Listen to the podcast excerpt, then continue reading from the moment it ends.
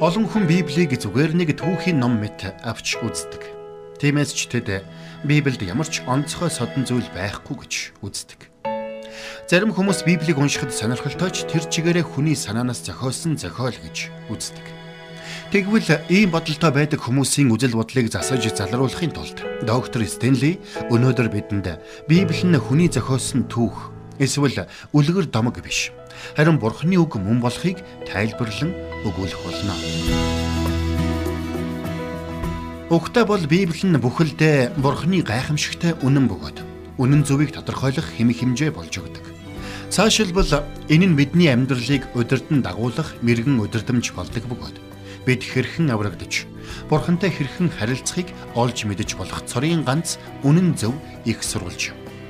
Тиймээс ч Библи бол гарцаагүй бурхны амьд үг мөн химэн доктор Стенли тунхаглаж байна. Ингээд хамтдаа бид Библиэд бүрэн итгэж болох шалтгаануудыг үргэлжлүүлэн олж мэдцгээе.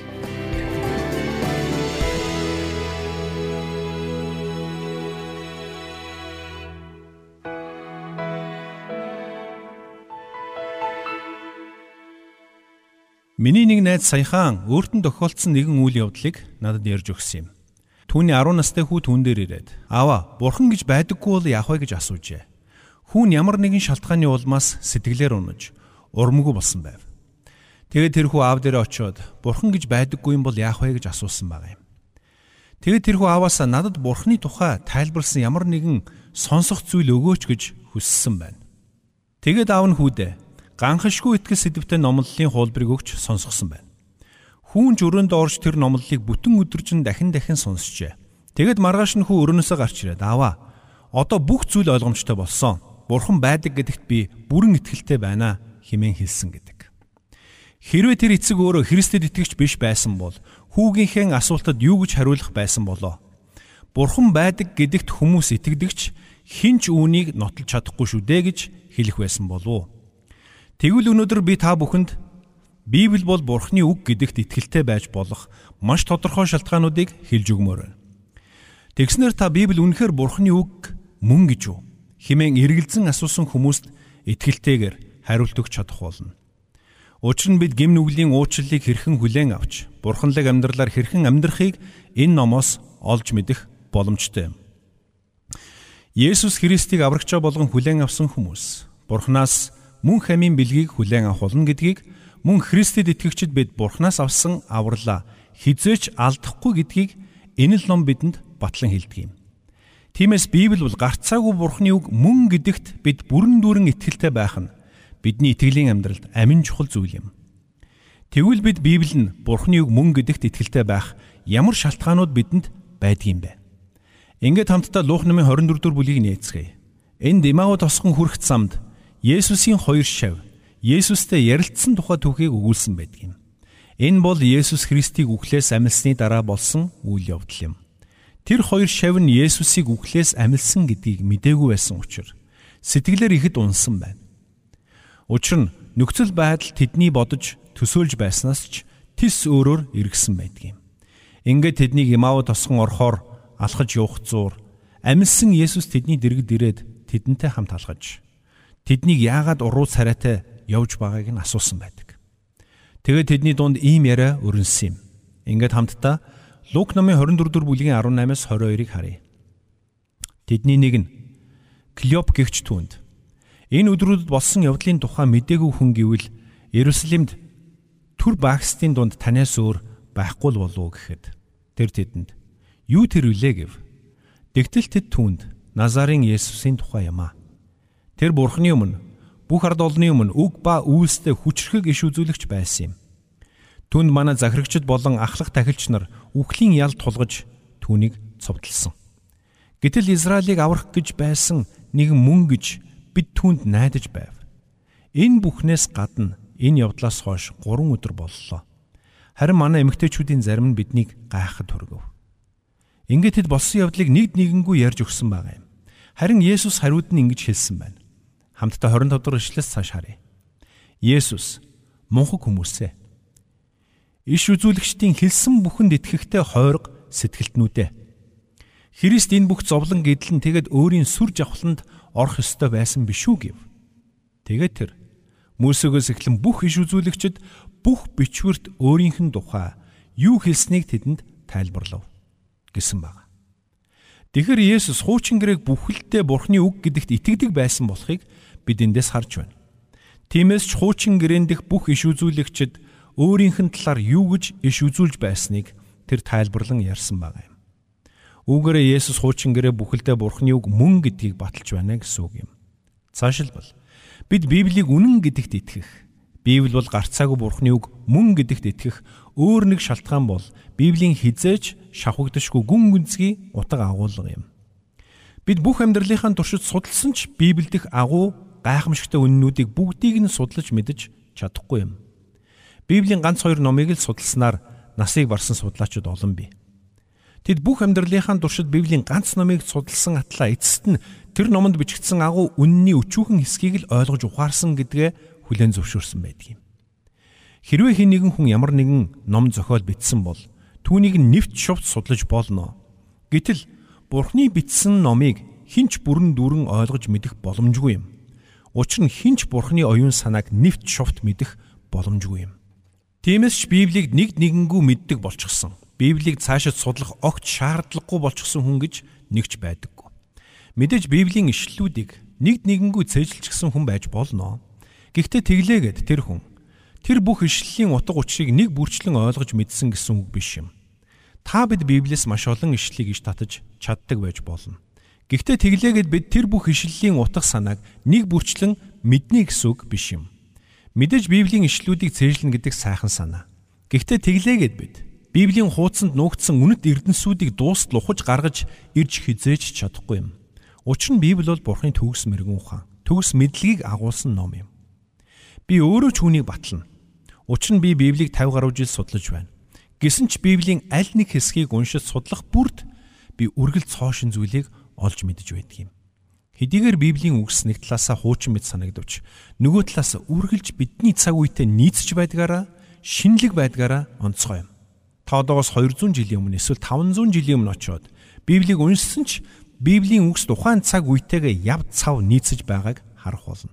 Одоос 100 жилийн дараач бүр мянган жилийн дараач Библийн үгс тухайн цаг үетэйгээ нийцсэн хിവэрэл байх болно. Үүгээр Библи бусад бүх номноос онцгой юм. Библи бол Бурхны үг гэдэгт бид итгэлтэй байж болох дараагийн шалтгаан бол Библийн алдаа мадаггүй чанар юм. Учир нь Библиэд ямар ч алдаа мадаг гэж байхгүй. Тиймээс ч Библийн аль ч хэсгээс уншсан тэр нь бусад хэсэгтэйгээ яв цав нийцэж байдаг юм. Библи хизээч өөрөө өөртөөгөө зөрчилддөггүй. Яагаад тэр вэ? Яагаад гэвэл Библийн номуудыг бичсэн хүмүүсийг Бурхан өөрөө удирдсан юм. Тэм ч учраас бид Библийг уншиж судлах тусам Библиэд улам их татагддаг юм. За тэгэхээр Библи бол Бурханы үг мөн гэдэгт итгэхийн дараагийн шалтгаан бол ариун сүнсний гэрчлэл юм. Жишээ нь Библиэд ариун сүнсний ажлууд ямар байдаг талаар маш олон зүйлийг өгүүлсэн байдаг. Бид тэр үгэнд тулгуурлаад авч үзэх юм бол Библи өөрөө гарцаагүй ариун сүнсний онгодоор бичигдсэн болох нь илэрхий байдаг. Бид энэ тухай өмнөх хичээлүүдээр үзсэн учраас Энэ удаад үүнийг түр орхив. Ингээд хамтдаа Ромын 8 дугаар бүлгийг гаргацгаая. Энд Бурхны ариун сүнс өөрөө бидэнд гэрчилдэг тухай өгүүлсэн байдаг. Өөрөөр хэлбэл Бурхны сүнс бидний дотроос ажиллаж биднийг Бурхны үг рүү тэмүүлэхэд хүргэдэг гэсэн үг юм. Түгээр зогсохгүй ариун сүнс бидэнд Бурхны үгийг ойлгуулж ухааруулдаг. Бурхны хүсэл зорилгыг бидэнд илчилж өгдөг юм. Ингээд хамтдаа Ром номын 8 дугаар бүлгийн 16-ыг харъя. Биднийг Бурхны хүүхдүүд гэдгийг сүнс өөрөө бидний сүнстэй хамт гэрчилдэг юм а гэсэн байна. Жишээ нь та анх Есүс Христийг аврагчаа болгон хүлээн авахдаа Есүс Христийн тухай хэн нэгэн хүнээс сонссон байх. Тэр хүн танд Библиэс Бурхны үгийг хуваалцсан байж таарна. Тэр үед та Есүс Христийг аврагчаа болгон хүлээн авч Бурхны өмнө залбирсныхаа дараа ямар нэгэн өөрчлөлтийг мэдэрсэн байх тийм үү? Тэр үед бидэнд ямар нэгэн зүйл өөр болчихсон юм шиг санагддаг. Яг л 5 минутын дотор бүх зүйл оронгоороо өөрчлөгдчихсөн юм шиг. Яагаад тэр вэ? Яагаад гэвэл Бурхны ариун сүнс бидний дотор нутгалсан учраас тэр юм. Тэрл ариун сүнс бидний зүрхэнд хурж бидний дотор биднийг Бурхны хүүхэд болсон гэдгийг батлах баталгааг өгдөг юм. Улмаар Христэд итгэж Бурхны хүүхэд болсон бид ариун сүнсээр бичигдсэн Бурхны үгийг унших үед өөрийн ирэхгүй тэр үгийг итгэлээр хүлээн авдаг юм. Бидний дотроос ариун сүнс ажиллаж тэр үгийг бидэнд ойлгуулж өгдөг. Тэр цагт яг л бидний дотор гэрэл асах мэт болдгийм.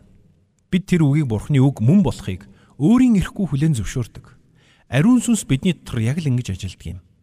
Тэмч учраас эзэн Есүс хэлэхдээ ариун сүнс ирэх үед биднийг бүх үнэн рүү хөтлөн дагуулах болно гэдгийг батлан хэлсэн байдаг. Тиймээс Бурхны үг үнэн болохыг бидний дотор оршин буй ариун сүнс өөрөө гэрчилдэг гэдгийг бид санах хэрэгтэй. Жишээ нь бид амьдралдаа ямар нэгэн чухал шийдвэр гаргах хэрэгтэй болох үедээ Бурхны үгийг уншдаг. Тэгэд Библийн үгийг уншиж байтал гинт бидний дотроос гэрэл асах мэт болдог. Яагаад тэрвэ? Ариун сүнс бидний уншиж буй ишлэлээр дамжуулан бидэнд ухаарлыг өгсөн учраас тэр. Тинхүү бид тухайн нөхцөл байдалд ямар шийдвэр гаргах ёстойгоо ухаардаг. Бурхан бидний явах замыг тэр ишлэлээр дамжуулан чиглүүлж байгааг бид ойлгодог. Мэдээж хөндлөнгийн хүмүүст энэ нь яг л ямар нэгэн үлгэр домог шиг эсвэл ямар нэгэн утга учиргүй зүйл мэт сонсогдох болно. Гэхдээ Христэд итгэж ариун сүнсийг хүлээн авсан хүн бүр миний юу ярьж байгааг ойлгодог юм. Яагад гэвэл Бурхан өөрийн үгээр дамжуулан бидэнтэй ярьдаг. Харин тэр үгийг ойлгож тэр үгийн дагуу амьдрах хүчийг ариун сүнс бидэнд өгдөг юм. Үүн дээр бидний Бурхан Библийн үгээр дамжуулан бидэнтэй ярихдаа баяртай байдаг. Яагаад тэр вэ? Яагаад гэвэл Библи бол Бурханы бидэнд өгсөн илчлэл юм. Тэр биднийг Библиэр дамжуулан үннийг олж мэдээсэй гэж хүсдэг юм. Тиймээс ч бид амьдралын альва асуудал бэрхшээл дундаа Бурхны үгийг эрэлхийлэх үед Бурхан тэр л үгээр дамжуулан бидэнд гарах гарцыг зааж өгдөг.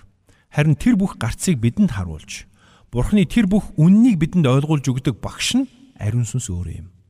Тиймээс Библи бол Бурхны үг гэдгийг ариун сүнс өөрөө бидэнд гэрчилдэг юм. Бидний хувьд Библи нь Бурхны амьд бичээс гэдэгт итгэлтэй байх дараагийн шалтгаан нь Библийн мөхөшгүй чанар юм. За Та нэг зүйлийг бодоод үзээрэй. Хүн төрлөختний түүхэн дотор хамгийн ихээр үзэн ядагдсан ном бол Библи юм. Үнэхээр Библи шиг ад үзэгдэж, Библи шиг үзэн ядагдсан ном гэж үгүй. Шин гэрээ бичигдсэн цаг үеэс эхлээд өнөөдрийг хүртэл Библийг үзэн ядаж устгаж өгөө хийхийг хичээхсэд байсаар байна. Есүс Христийг загалмаад цовдлогдсны дараа Христийн дагалдагчид бичвэрийн үгсийг бичиж эхэлсэн тэр цагаас эхлээд л Ромын эзэнт гүрийн эзэн хаан Даклатиан, Доматианаар Библийг устгаж үгүй хийх гэж чадах бүхнээ хийж байсан юм. Ирэх мэдлэлтнүүд Библийг хүмүүсийн гар дээрээс хураан авч шатааж байсан. Библи уншихыг хориглосон хуулийг батлаж байсан. Тэр бүхэл зарим сүм чуулганууд энгийн хүмүүст уншуулахгүй гэсэндээ Библийг төмөр торон дотор гинжээр орон хадгалж байсан тохиолдолч бий. Олон зуун жилийн туршид энгийн хүн Бурхны үгийг унших эрхгүй байсан юм. Зөвхөн сүмийн санваартнууд л Библийг уншдаг байсан. Ингэснээр тэд сүсгтнүүдээ хяналтандаа байлгадаг байсан. Тэд яагаад энгийн итгэжтийг Бурхны үгийг уншихыг хориглож байсан юм бэ? Яагаад гэвэл Бурхны үгийг уншсан хүмүүс оюун санааны хувьд чөлөөлөгддөг. Тиймээс тэднийг харанхуй бүдүүлэг байлгахын тулд Бурхны үгээс хол байлгах гэж хичээдэг эрх мэдлтнүүд олон байсан юм. Өнөөдөр та бидний гарт байгаа Библийг олж унших гэж өөрийн болгох гэж асар их төлөөсөг төлсөн хүмүүс олон байсан. Библиэд итгэх итгэлийнхээ улмаас амиа алдсан хүмүүс үе олон бий. Библийн үгэнд итгэх итгэлээ үгүйсгэхээс татгалцсны улмаас амиа алдсан хүн олон бий. Бүхий л түүхийн туршид үе олон хүмүүс Библийн хуудсыг алт эрдэнэсээс ч илүүгээр нандинан хадгалж байсан юм. Өнөөдөр та бидний гар дээр байгаа Библийг гартаа барих гэж хүсэж мөрөөдсөн ч энэ мөрөөдлөө биелүүлж чадалгүй явсаар дууссан сая сая хүмүүс бий. Гэтэл өнөөдөр бид Библийг маш хямдар худалдаж авах боломжтой цаг үед амьдарч байна. Мэдээж та хүсвэл маш үнэтэй Библи худалдан авч болно. Тэр бүхэл үнгүүч олж авч болно. Гэхдээ гол асуудал нь Библийн үн өртгөнд байгаа юм биш. Харин Библийн хуудсанд бичигдсэн зүйлс сая сая хүний амьдралыг өөрчилсөн гэдгийг бид санах хэрэгтэй. Бас Библийн хуудсанд бичигдсэн үнний төлөө түүхийн туршид сая сая хүмүүс амиа өгсөн гэдгийг бид ойлгох хэрэгтэй. Учир нь энэ бол амьд бурхны үг. Тиймээс энэ үг бидний гар дээр амар хялбар замаар ирээгүй гэдгийг бид ойлгох хэрэгтэй. Энэ гайхамшигтай ивэл өрөөл бидэнд хямдхан олдоогүй. Тэр бүхэл сүм чуулган өөрөө бурхны үгийг сүсгтэн олноосоо нууж байсан цаг үе бий. Библийн үннийг тунхаглан түгээх учиртай сүм чуулган өөрөө энэ үгийг нуун дарагдуулж байсан тэр цаг үеийг дурсгаж аимшигтай. Харин шашны шинчлэл буюу итгэл үнэмшлийн шинчлэл явагдсанаар тэр аимшигтай цаг үе дуусгаруулсан юм. Тийхүү тэр шинчлэлийн үр дүнд анхны хэвлэмэл Библи бий болсон. Улмаар Библи дэлхийд даяар түгээн тархаж Бурхны үгийн үр нөлөө дэлхийд даяар мэдрэгдэх болсон юм. Харин энэ гайхамшигтай цаг үе ирэх хүртэл үе олон хүн амиа алдаж бидний гар дээр Бурхны үг болох Библийг тавихын тулд үе олон хүн амнасаа зориулсан гэдгийг бид мартах учиргүй юм. Би өмнө хэлж байсан. Та энэ амьдралаа бүхэлд нь эд хөрөнгө цуглуулахад л зориулж болно. Гэхдээ хүний шунал хизээж цаддаггүй юм. Өөрт байгаа бүх нь хизээж чамлалтай санагдаж байдаг юм. Гэтэл бидний хинэнч тэр эд хөрөнгөө энэ дэлхийгээс аваад явж чадахгүй. Харин үүнээс илүү үн цэнтэй зүйл байдаг гэдгийг бид мартах ёсгүй юм. Үүндээ бидний гарт байгаа Библи нь бидэнд байгаа бүх эд хөрөнгнөөс ч илүү үн цэнтэй юм. Учир нь танд байгаа ямар ч эд хөрөнгө бусдын болон таны амьдралыг Библи шиг өөрчлөн шинчлэж чадахгүй. Таны гарт байгаа Библи бол таны хадгалж чадах хамгийн үнцэнтэй зүйл юм. Учир нь Библийн үнэн хизэж шавхагдшгүй. Библийг хинч хизээч устгаж үгүй хийж чадахгүй. Яагаад гэвэл хинч бурхныг мөн бурхны үгийг устгаж чадахгүй юм. Үргэлжлүүлээд би танд Библийн үгэнд бүрэн итгэлтэй байж болох өөр нэгэн шалтгааныг хэлж өгмөр байна. Энэ бол дэлхийн ертөнцид үзүүлсэн Библийн нөлөө юм. Хувь хүмүүсийн амьдралд ч тэр, улс үндэстний амьдралд ч тэр Библи шиг хүчтэй нөлөөлсөн өөр ном гэж нэг ч үгүй. Христэд итгэж хүмүүсээс би асуумаар байна. Та өөрөөсөө Бурхны үг болох Библи байгаагүй бол би хаана юу хийж явах байсан бэ гэд асууад үзээрэй. Үүндээ бидний хинэнч төсөөлж чадахгүй. Та анх сайн мэдээ сонсож байснаа санаж байна уу? Бидний ихэнх нь сандаггүй шүү дээ. Хамгийн анх Библийн үгээс суралцаж байснаа та санаж байна уу? Магадгүй санаж байж болох юм аа. Хамгийн анх хизээ Библийг харж, хамгийн анх Библиэс ямар ишлэл уншиж байснаа та санахгүй байж магадгүй. Учир нь бид Библийг гартаа барьсаар байгаад дэндүү дасчихсан байдаг юм. Гэтэл дэлхийн өнцөг булан бүрт Библиэд болохыг хүсэж мөрөөдөн амьдрч буй үе олон хүн бий. Тэд хамгийн анх Библийг гар дээр тавьсан тэр мөчөө хизээч мартдаггүй. Учир нь тэд Библи бол энэ дэлхий дээр хамгийн үнцэнтэй зүйл гэдгийг бүрэн ойлгож ухаарсандаа тэр юм. Үүндээ таны гарт байгаа Библи бол таны амьдралдаа өөрийн болгож чадах хамгийн үнцэнтэй зүйл гэдгийг таач бас хэдий чинээ эрт ойлгоно төдий чинээ танд хэрэгтэй байх болно. Учир нь энд бичигдсэн үг биднийг мөнхийн усад аваачих хүчтэй. Энд бичигдсэн үг бидэнд мөнхийн ам, мөнхийн шагналыг өгөх хүчтэй юм. Үнэн дээр бүхий л түүхийн туршид энэ л үг хов хүмүүсийн амьдралд болон улс үндэстний хөв тавиланд гайхамшигтай нөлөөгөө үзүүлсээр ирсэн юм. Бүх амьдралынхаа туршид өөр шашин шүтлэг шүтэж тэр бүхэл бүх амьдралынхаа туршид Библийг үзэн ядаж ирсэн хүнч Библийн үгээр дамжуулан өөрчлөгдөж Есүс Христэд итгэсэн тохиолдол тоолж баршгүй олон бий. Хүний ухаанаар бодоход боломжгүй мэт энэ зүйлс яагаад тохиолдог юм бэ? Ариун сүнс Бурхны үгээр дамжуулан хүмүүс бидний зүрх сэтгэлийн гүнд хүрэх тэр үед тэд Бурхны үгийн өмнө өөрийн ирэхгүй сөхөрдөг юм. Тинхүү тэд Есүс Христийг эзэн хэмээн хүлээн зөвшөөрдөг юм. Хэдийгээр тэд Библийн талаар их зүйлийг мэдэхгүй ч Библийн үнэн тэдний зүрхэнд тэнхүү хүрдэг юм. Үүнийг хэн нэгэн хүн өөрийнхөө хүчээр хийх боломжгүй гагцхүү Бурхны хүч. Бурхны үг л ийм зүйлийг хийх боломжтой юм. Үнэндээ гарт буй Библи таны амьдралд буй хамгийн үнцэнтэй зүйл гэдгийг та ойлгоорой. Учир нь энэ үг биднийг Бурхан руу хөтлөн дагуулж зогсохгүй. Бидэнд бурханлаг амьдралын замыг заадаг юм. Өнөөдөр хэрхэн амьдрахыг Библи шиг зааж өгсөн их сургууль гэж нэг ч үгүй. Бурханлаг арга замаар үр хүүхдүүдэд хэрхэн өсгөж хүмүүжүүлэхийг Библи шиг зааж өгөх амьдралын сургууль гэж нэг ч үгүй. Хэдийгээр сургууль коллеж нь бидэнд олон зүйлийг зааж сургадагч хэрвээ бидэнд бурхантай харилцах харилцаа байхгүй бол бид хизээч бусад хүмүүстэй зөв харилцаж чадахгүй юм. Тэр бүхэл бид өөрөө өөртөөгөө зөв харилцаж чадахгүй төрнө. Танд эд баялаг, эрх мэдэл байлаач Амьд бурхны өмнө хэрхэн зөвхт амьдралаар амьдрахыг мэдэхгүй та хизээч бурхны мэлмид амжилттай харагдаж чадахгүй юм. Бид Библиэд нөхөрлөх үедээ бурхантай нөхөрлөж байдаг юм. Харин бурхантай нөхөрлсөн хүн бурхнаас ирэх эерэг нөлөөг гарцаагүй мэдэрдэг юм.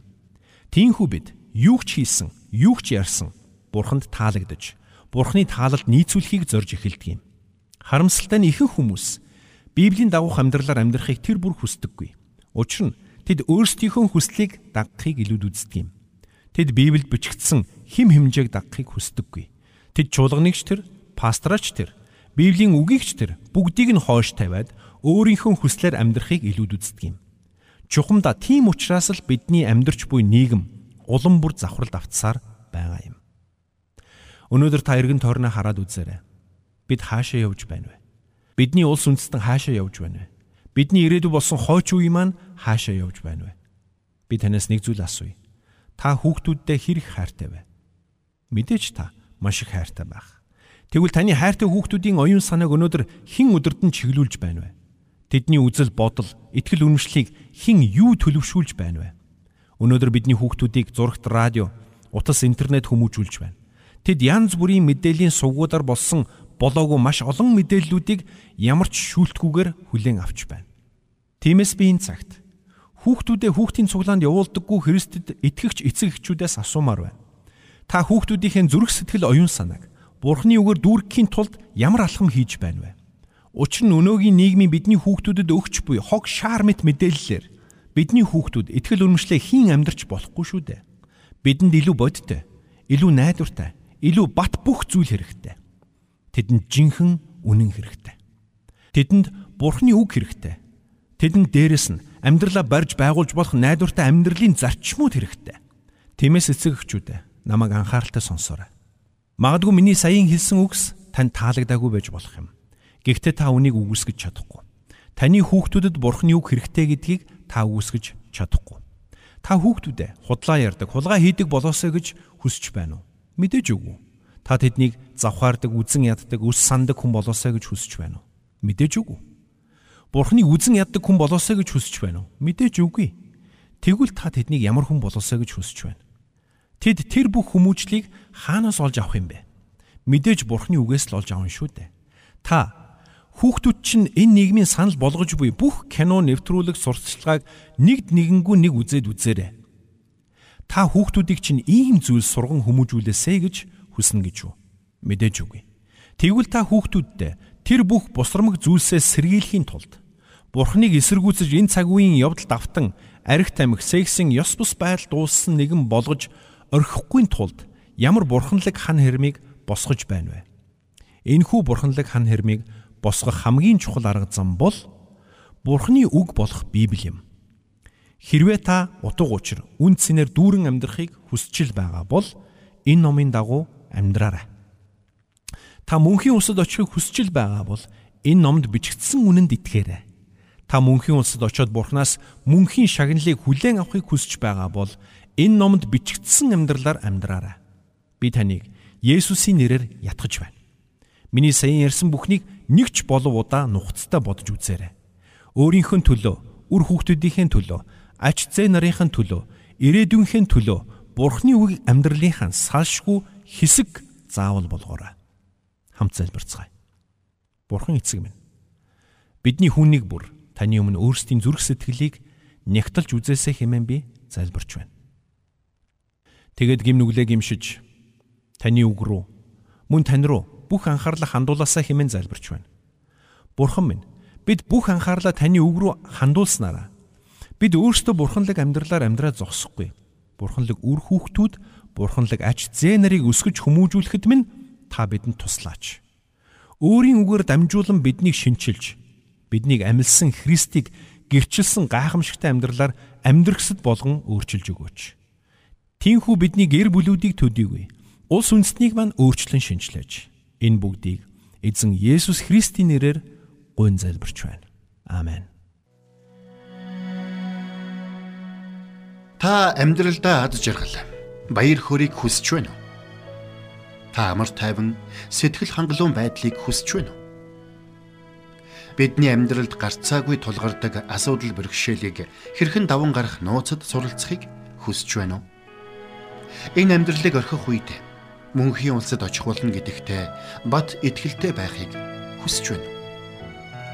Хэрвээ тийм бол энэ бүх асуултын хариулт Бурхны үг болох Библийн хуудсанд бичээстэй байдаг болохыг доктор Чарлз Стенли бидэнд сануулж байна. Тиймээс та шавхагдшгүй үнний уурхай болсон Бурхны үг рүү анхаарлаа хандуулаарай. Та Библийн үннийг баримтлан амьдрснаар бүрэн дүүр утга учиртай үн цэнтэй амьдралаар амьдрах болно. Бурхан бидэнд өөрийнхөө төгс үгийг өгсөн маш олон шалтгаан бий. Тэдгээрийн нэгийг бид 2 дугаар Тимот 3 дугаар бүлгээс унших боломжтой юм. Хамтдаа энэ цагийн төгсгөлд 2 дугаар Тимот 3-ын 14-өөс 17-г уншицгаая. Харин чи юу сурсан? Юунд итгэсэндээ байна? Чи хинээс сурснаа мэдэх бөгөөд Христ Есүс дэх итгэлээр авралд чамайг мэрэгэн болгох чадaltaй ариун судар бичгүүдийг чи хүүхэд байхасаа мэдсэн. Бичвэр бүр Бурхны амьсгалснаар бөгөөд заахгүй, зэмлэхгүй, залруулахгүй, зөвд чиглүүлэх үед тустай. Энэ нь Бурхны хүн чадамгай аливаа сайн үйлд бүрэн бэлтгэгдсэн байхын тулд юм. Амен.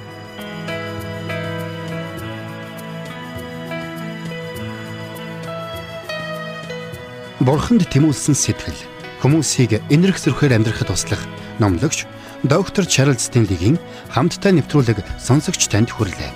Нэвтрүүлгийг дахин сонсохыг хүсвэл ихтгэл радиоцик.com-оор зочлоорой. Бидэнтэй холбогдохыг хүсвэл 8085 99 тэгтэг дугаард хандаарай.